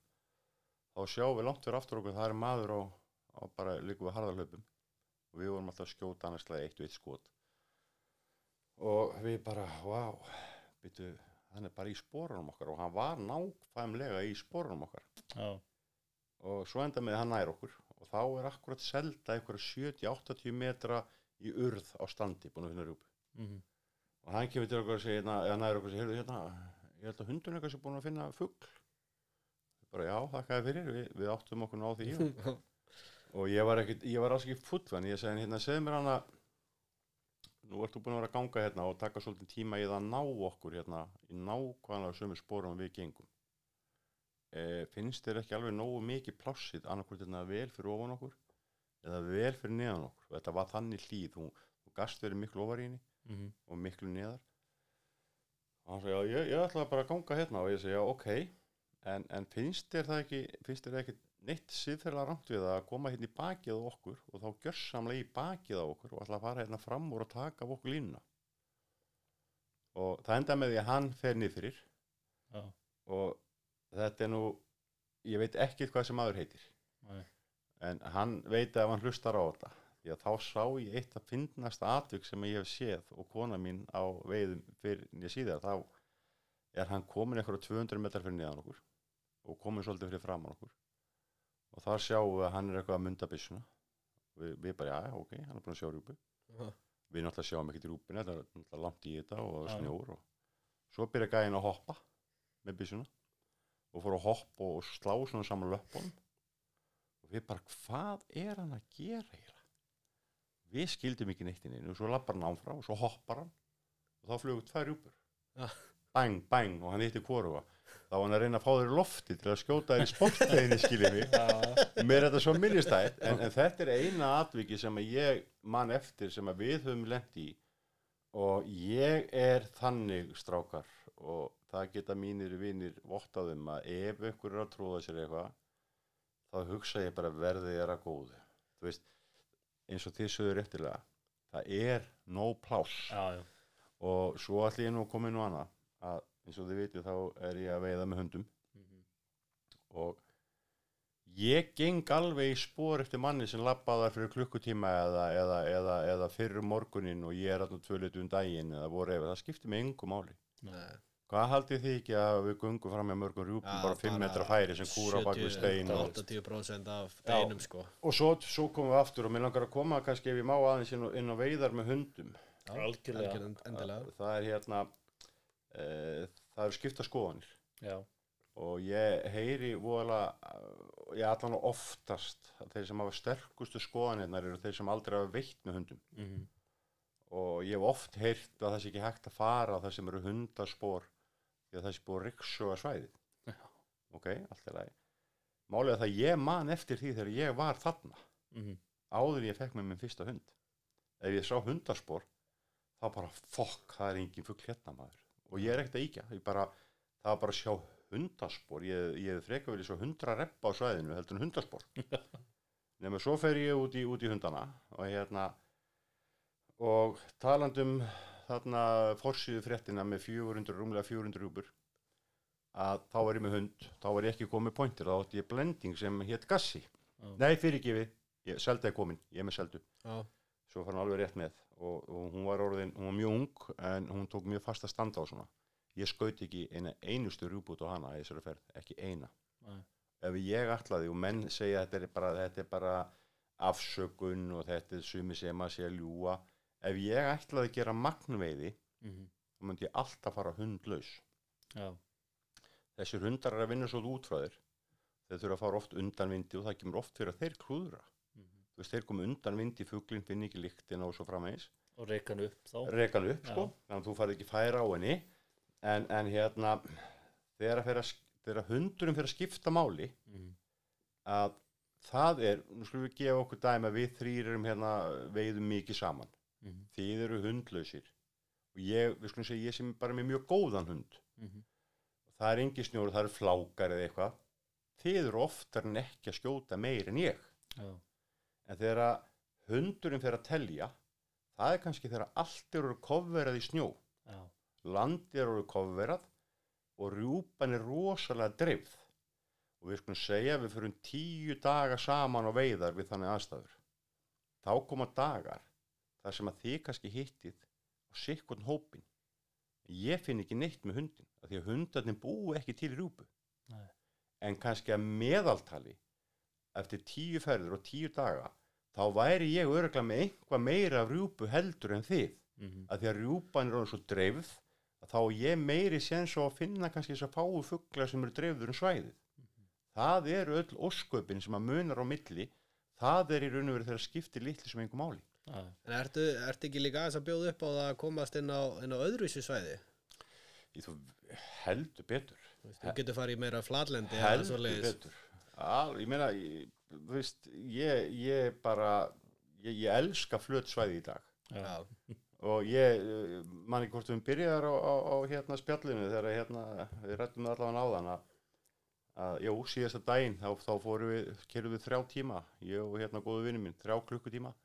Upp á hálendi að því ég vildi bara finna snjó Já. ég vildi ekkert veið mikið á rjúpu ég vildi bara veið í snjó Mhm. það sem var challenge þó ég sæði enga rjúpu, það voru gott að eiga veið vonina en við kroppuðum nokkrar hverju henni einust út á tíkinni hjá mér Já. og það var ofbáslega gaman og þetta er dagur sem stendur upp úr Já. en það var ekki massa morð Nei. þegar hérna, hérna þegar í gamla dagastráka þegar það mátti byrja 15. oktober þá var maður með fingur í kross að vera ekki komið snjór Já, þú veist ekki fá snjó fyrir 15. oktober þá fórstu bara upp þú fórstu upp í grjót og þú sallaðar hana niður. Já. þetta verður svo endurskinsmerki út um allt. Mhm. svo þegar hins vegar snjórinn er komin þá dreifist hún og þá er óbúslega gaman að veiða með hundi. Já. þetta er bara eins og fluguveiði. Það er ekki þetta líka skotið og fluguveiði saman. Ég gerir mér alveg grein fyrir því en það má svona reyna að koma með svona lýsingar á því að, að fluguveiði, ég veit miklu frekar að fá einn á flugu heldur en tíu á matk. Skiljið mig og hundarnir er ekki að gera þennan gæfu mun sem að menn er að tala um. Það er bara bæði fordómar og í, í raun og kannski mest bara þekkingalýsi Já, ég held að þetta sé aðalega þekkingaleysi að hjá mönnum að þeir viti ekki viti ekki hvernig er að vera með svona hunda og, og, og hvernig þeir vinna.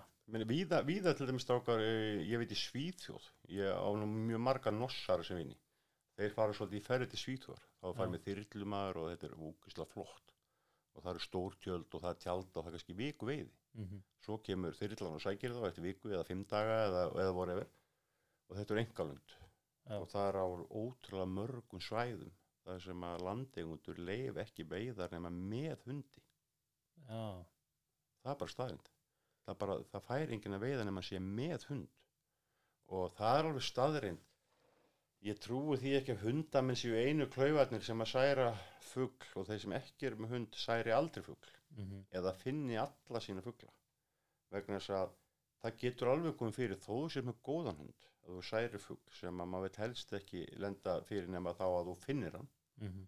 en auðvitað kemur fyrir og það þekkja það allir. Þú ert einhvers staðar lengst uppi og, og þú skýtur gæsi að þú skýtur rjúpu og hún stýfir vangina og hún svífur bara fleiri, fleiri, fleiri Mm og þá er þá þarf hundurinn eiginlega að vera bara með þú veist GPS-tæki og lesa á það sjálfur skiljið mig og, hérna, en, en þannig að það kemur fyrir en, en vá hvað það hefur minkað stórkoslega að finna ekki særðan eða, eða döðan fugl. Mm það er heimin og haf á milli. Og ég hef ekkit rosalega oft kannski tvisa, þrísar í minningunni.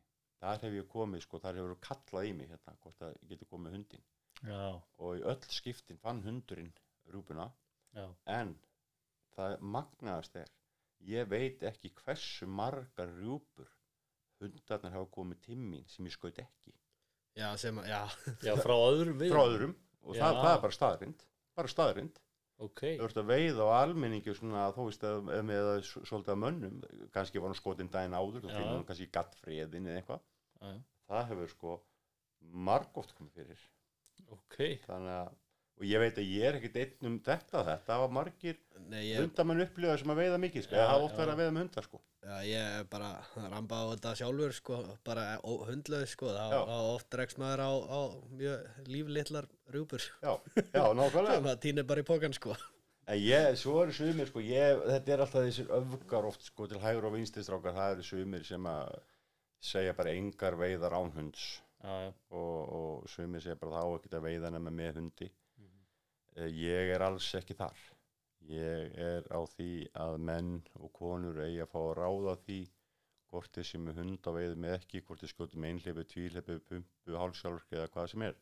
Já, já, en það er bara nummer 1, 2 og 3 og það er bara þegar öll er á botnum kvöld þá erum við öll í þessa sama takmarkinu. Það er að veiða og njóta okkar. Algjörlega. Þú veist hvort þú sett með hund eða GPS-tæki sem að ykkur annar er ekki með eða þú veist það er þetta nefnum sem að þú nota þrú er ekki þessi og þú hlærið aður með þessi genst nú ekki neitt mæri þessu færi og þú sk- skilji hvað við Já, við, eigum bara að virða það hvort annað og, og ég hefði byrjað rosalega seint að veiða og sennilega hefði ég bara aldrei byrjað að veiða ef að hérna hefði verið skilda að vera með hund. Já, skiljið mig? Já, já, ég byrja að veiða og svo fyrir ég að kynna stundunum og þá bara hefur þetta verið að pröfa og þá opnast bara gjörsamlega nýr heimur. Já, já, En Það, það, það er það sem ég var að reyna að meina á sko. Mér finnst við, við skotveðmenn sem heild ég get að benda á einn að neitt nei, nei, en bara við skotveðmenn sem heild erum okkur sjálfum oft vestir með, þú veist, að því að að því ég nota ekki hund á ef hundarnir að vera bannaðir eða ég nota hund og þá ef allir hinn er að vera með hund já, þú veist, að, já, já, einmitt. Veist, í staðan fyrir að allir standi bara saman og vera saman í liði að, að, að ebla þetta þá oft erum við svona einhvern veginn vera að, að kljást innbyrðist já, sko. já, já, já, já. Það er alltaf sko, ég, ég vil ekki en það er þetta eitt uh, við getum tekið annað dæmi fjórhjól og sexhjól og veiðumstrókar já, við, það hafa flest allir sem einhver veiða séð fjórhjól og sexhjól og rjúpna veiðum til dæmis. Já, utan slóða og allt saman. Mhm. og það er ógeðslega svekkjandi. Já, og þessir e, e, þetta fólk sem er á fjórhjólum og sexhjólunum að það er svona e, já, það kemst upp með þetta held ég bara alltaf eða oftast, já, skulum við segja. En það er styggsmunur þarna á vegna þess að það er bannað að veiða á já, Já, þú veist, það er bannað. Já, og, og, og við eigum að fara eftir e, lögum og reglum. Algjörlega. Og ég e, kem þá aftur um það ef ég spóla hérna rífi vænt bara lengst tilbaka ég man eftir því strákur og það er alltaf að segja núna það er góðin yfir 30 ár. Já, guðminn álmáttum er svo gammal ég var kannski 18 ára, 19 ára þá var ég með mönni í mín bíl, við varum að keira hérna ég get með þess að sagt á unundafjörðin Mhm. það flýgur upp gæsahópur. Ég manla við vorum að 80 km hraðir eitt fyrir út um uh, gluggan og skaut hann í gæs og hún lenti svo svo veinum við kerðum beint yfir hana. En það var ekkit slæmt en það sem eftir koma miklu verða því að við sjáum bóndan koma reik spólandi svo svo eftir okkur maður alveg snarvittlus eðlilega. Já, þarna var maður bara kvatvís og þarna akkurat þetta maður vissi að þetta mátti ekki. Já, já, maður gerði það samt. Og ég held að það sé svolítið með þessa þetta fjórhjóla fólk og sexhjóla fólk það veit alveg að þetta má ekki og þér getur varla liði vel á veiðum. Fattiði mig? Að vera að gera eitthvað sem má ekki þó svo þú gerir það. Já, við þekkjum þetta allir, við, ég er alveg vissum við allir þrýr höfum farað oftar yfir hámarsaða við höfum allir hugsað skildir löggan vera þarna yfir hæðin eða svo veist, Mhm. þetta er svona neikvæð þetta er neikvæð spenna já, já. í því sem á að vera gaman. Svo er þetta líka sko með, sérstaklega með fjörhjólun og sexhjólun uh, þetta er svo leiðilegt því að nú sitja veiðumenn heima sem eru bundnir við hjólastól þeir fá ekki að gera þetta Nei. Mér, mér finnst þú að, að þú ættir að geta sótt um undan þá er bara eins og, eins og bara í öðrum íþróttum sko. Já, já Mér, mér finnst það, þú veist að og þú veist, ef þú ert, ert bundið við hjólastól þá auðvitað finnst mér ekkert að því að, að, þú- eða að persónulega finnst mér það að þú hafa verið ekkert að þú verður á sexhjóli eða fyrrhjóli og verður á eftir júbu eða eftir hverju sem er en núna eru veiðimenn eða, já, menn að veiða rjúpa á sex og fyrrhjólum það finnst mér ekki í lagi bara langt frá því. Ég er bara algjörlega sammála þessu og, og þetta er kannski vingill sem að maður hugsar allt og sjaldan um og nánast bara aldrei verið að viðkjöna það vegna þess að að maður einhvern veginn tekur maður lífinu sem sjálfsögum hlut. Maður tekur sem sjálfsögum hlut að geta gengið út í bílamotnana og kert í vinnina og farið út í bílum og farið að vinna á löppunum. Já, en ég er svo algjörlega sammála og það er í raun og veru stórkostlega galið að þeir sem að þurfa hjólóstur að halda skuli ekki fá að veiða uh, ég myndi nú alltaf að mæla með sexhjóli en ég treysti þessu fólki sem að vil veiða á hvort sem að fjórhjóli eða sexhjóli að meta það sjálf já, já, en, en hérna þetta er náttúrulega ef maður hugsa út að þetta er bara, þetta er bara eitthvað svo rökrétt að þetta megi. Og uh, auðvitað vitum við það að það þarf að passa uh, skemmtir og allt það. Auðvitað. En ég hengi upp á það að það væri einhverjir einhver þjófyrirsópur sem myndi passa það að skilja ekki eftir sér slóð eftir hjól þá var það fólk sem þetta átti hjólastól og ætla að vera að veiða á sex eða fjórhjóli. Akkurat. ég er algjörlega með það á hreinu. Já, og það við vitum það hérna sem hérna sýtum og margir aðrir að það er til fullt af svæðum þar sem maður markar ekki í þó þessi aukt. Já, já, já, og, og, og, og svo eða var komið snjór þá mæti þess að vera velslega líka. Já, og þetta er kannski eitthvað sem að en það er kannski að þegar maður heyrir ekkert mikið um það maður heyrir mikið um, um réttinda baróttu hjá fölluðu fólki eðlilega. Já, já, og það er fullt af, af hérna, hlutum sem að, sem að sá hópur þarf að berjast við sem að áýrunur að vera sjálfsagða hlutur á ekki þurfa að berjast fyrir. Mm. já, en það er kannski, það er kannski þetta er kannski eitthvað fyrir skotvís til að kanna já skiljum mig, þú veist bara því að, því að ég er viss um það og örgulega mögulega einhverju sem þurfa hjólastóla þeir hugsa ekkert um veiði að þeir þurfa að nota hjólastól. En svo þau myndu opna svo tækifæri fyrir þá að- eða fyrir þau að, að þann hópa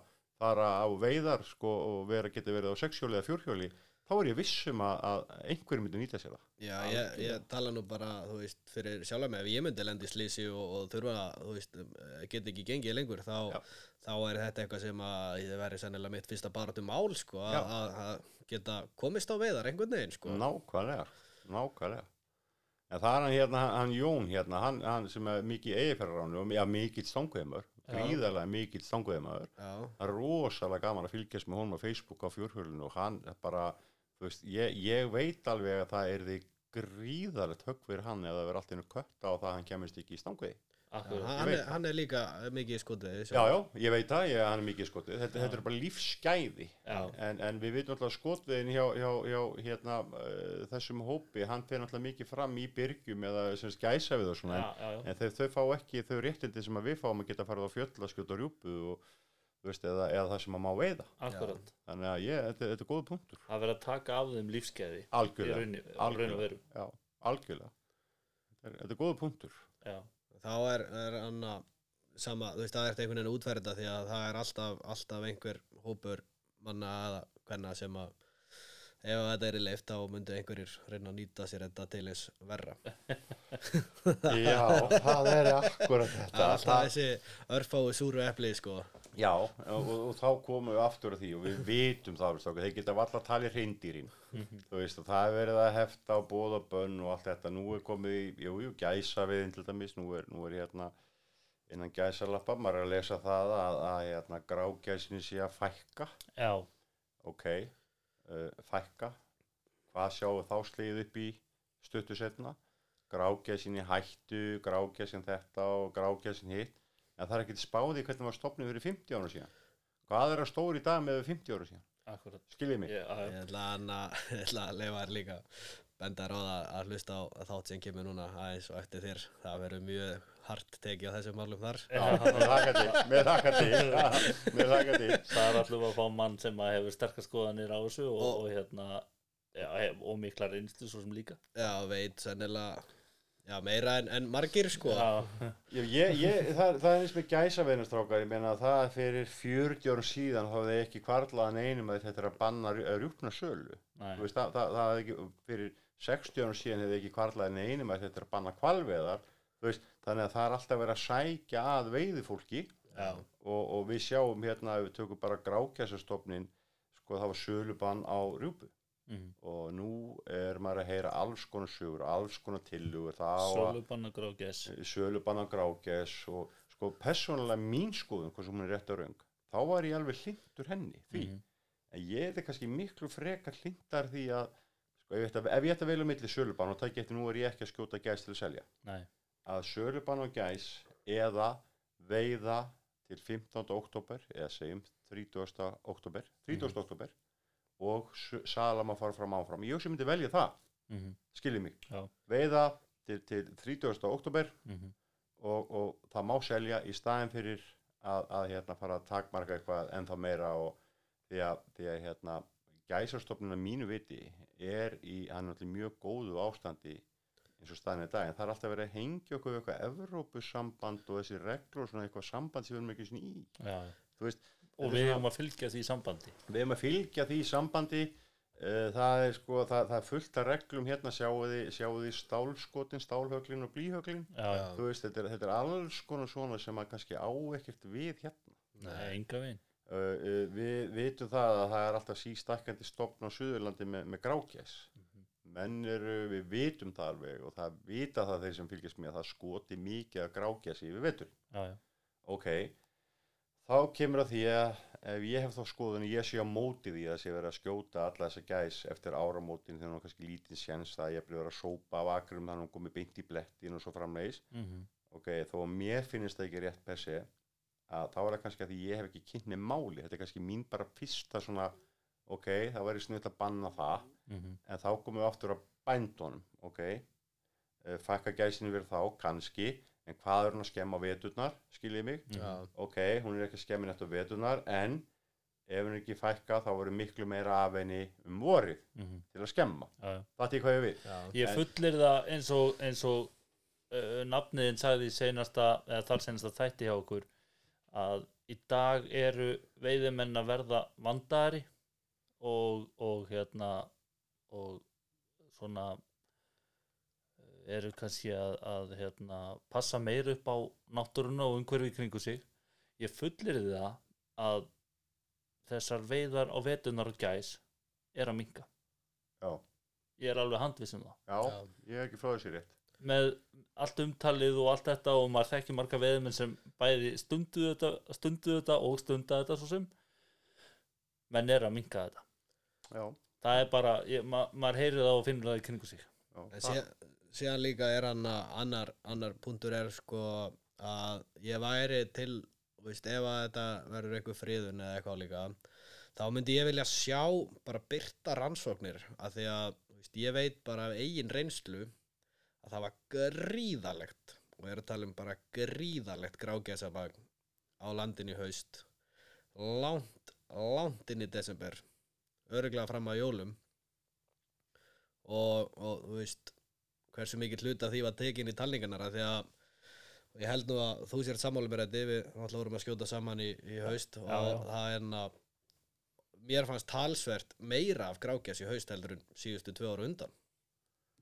Þá komum við aftur að þessu strákar. Hversu nákvæmt hversu örugt er þetta talningakerfi sem við höfum? Við höfum oftast treyst á talningar og breyðlasveim já, já, uh, uh, ég kom inn á áðan þeir geta valla tali hreindýrin rétt akkurat. Uh, hvað eru mörg á síðan að banna að skjóta kálvana mm af því að það sko myndi stækka stopnin og viðhalda stopninum á jari jari. Hvað hefur gerst? Kvótin, ég held að hann hafi minkað hvert einast ár eða nánast í hvert einast ár frá því að var bannað að skjóta kálfa. Já, og hvað gerist núna? Nú er hann komin í rúm 900 dýr. Já, já, tarfarnar hækkar um 30.000 það er ekki smá hækkun strókar mm Nei. í prósentutölum. Já, já, kýrin hækkum, ég man eitthvað 20.000 eitthvað, ég man það ekki. Þetta er gríðarlega hækkun. Uh, af hverju? til hvers? færri dýr hlýtur að, þýða uh, minna álaga á beitilönd bænda já, skiljið mig. Uh, ef er að hækka til þess að fá á móti kóta minkunni? Ég er ekkert að segja svo sé en auðvitað kemur það upp í hugan og, og, algjörlega. og hérna og svo er annað sem ég skil ekki en það er ekki líffræðingur en, en sko að það er vei- leyft að veið sko skjóta fleiri beljur en tarfa. Já.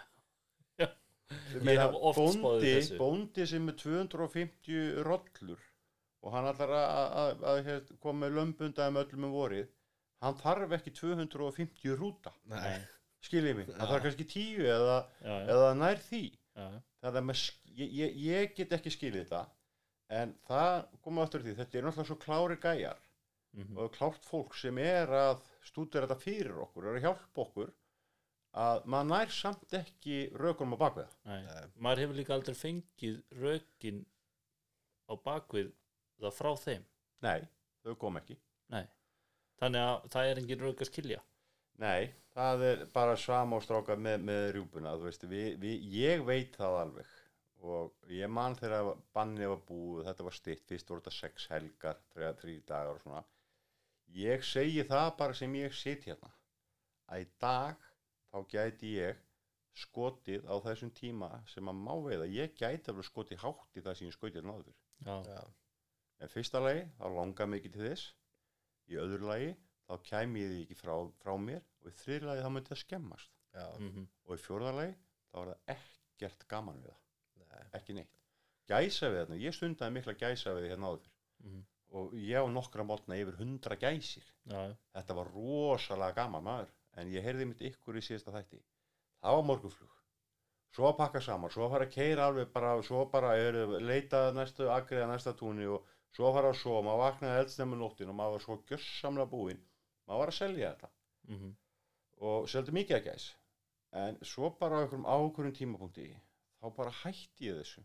Mhm, og í dag að ef ég skýt gæs í dag þá er það bara fyrir mig og konu og kannski nánustu. Já, já, en eins og ég sagði það með, með, með Gretu mína að þá er hún sko, hún er óvig eins og staðin í dag. Já, já, þannig ég hef bara ekkert haft gaman að því að fara á gæs. Nei, þannig ég er bara býð eftir henni rólugur og ég er nú svo heppin, við erum alltaf með, með hérna, reitt á sviðina gæs og aðfangadag. Já, og það er hérna ekki vandamál hjá mér, ég á náttúrulega góða vini og sem eru líka veðið menn og ég þarf ekki eins og að byggja um gæsina hún bara, hún, hún bara með þess að kemur tilbúin til mín skilur, já, já, en ekki þarf auðvitað, en við vitum alveg hvernig það er ok, ég skaut ekki þessa gæs nei, nei, en sá sem er skaut hana, ég veit að þetta gæti ekki verið flottara, skiljið hvað við ég veit það, en, en ég, nú býð ég bara eftir Gretu já, og bara það er bara fingur í kross að, hérna, að það fara að smetla því að, því að, að það er bara einstakt strákar og ég er að segja ykkur það algjörlega ég hef aldrei trúið þessu að, að vera veiði með konu sinni sem að sko er hún er sko tíu sinni meira áhuga heldur en ég hafði tíma hún Já. er algjörlega all in í þessu. Já, en það er eitt slæmt við þetta samt. Þetta kemur allt úr sama veskinu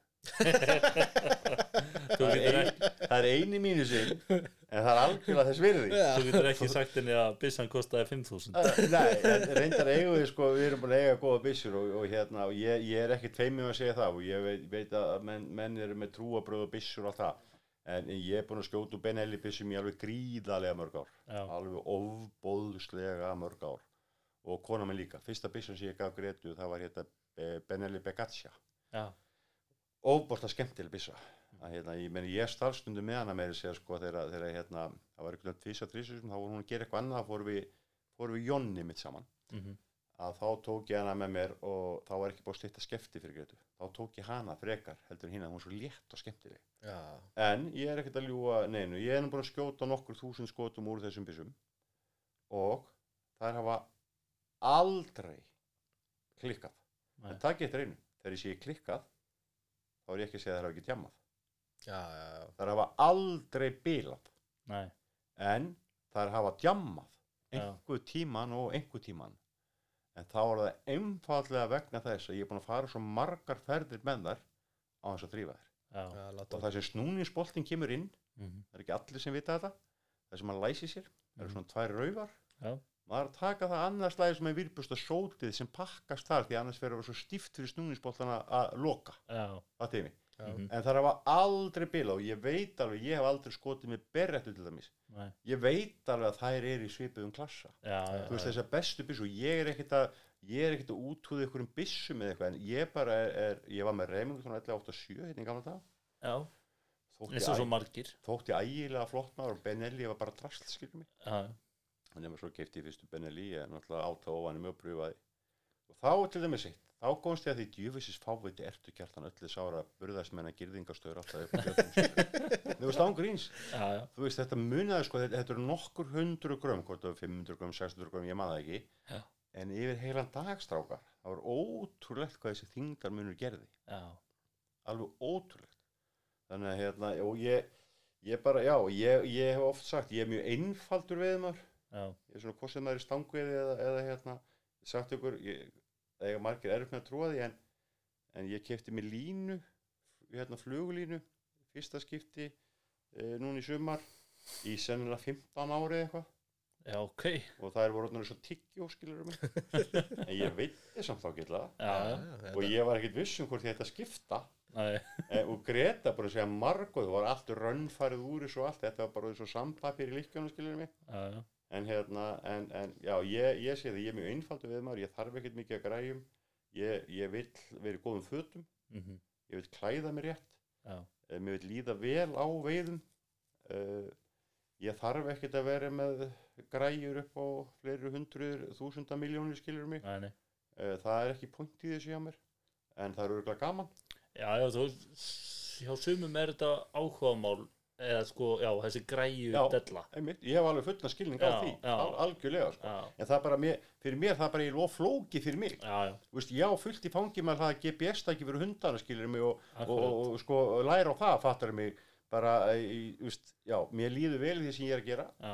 Og ég bara þú vilt bara vera með tækja tól sem virka og er í lagi og, verið og þannig gengur þú. Já, og svo ég haldur nú áframstrákar þá veit ég hvort að þið þekki sístum tvö hjólin þau voru í tísku fyrir 100 ára síðan. Mm. ég átti tvö eða þrjú og auka spólur eða allt saman.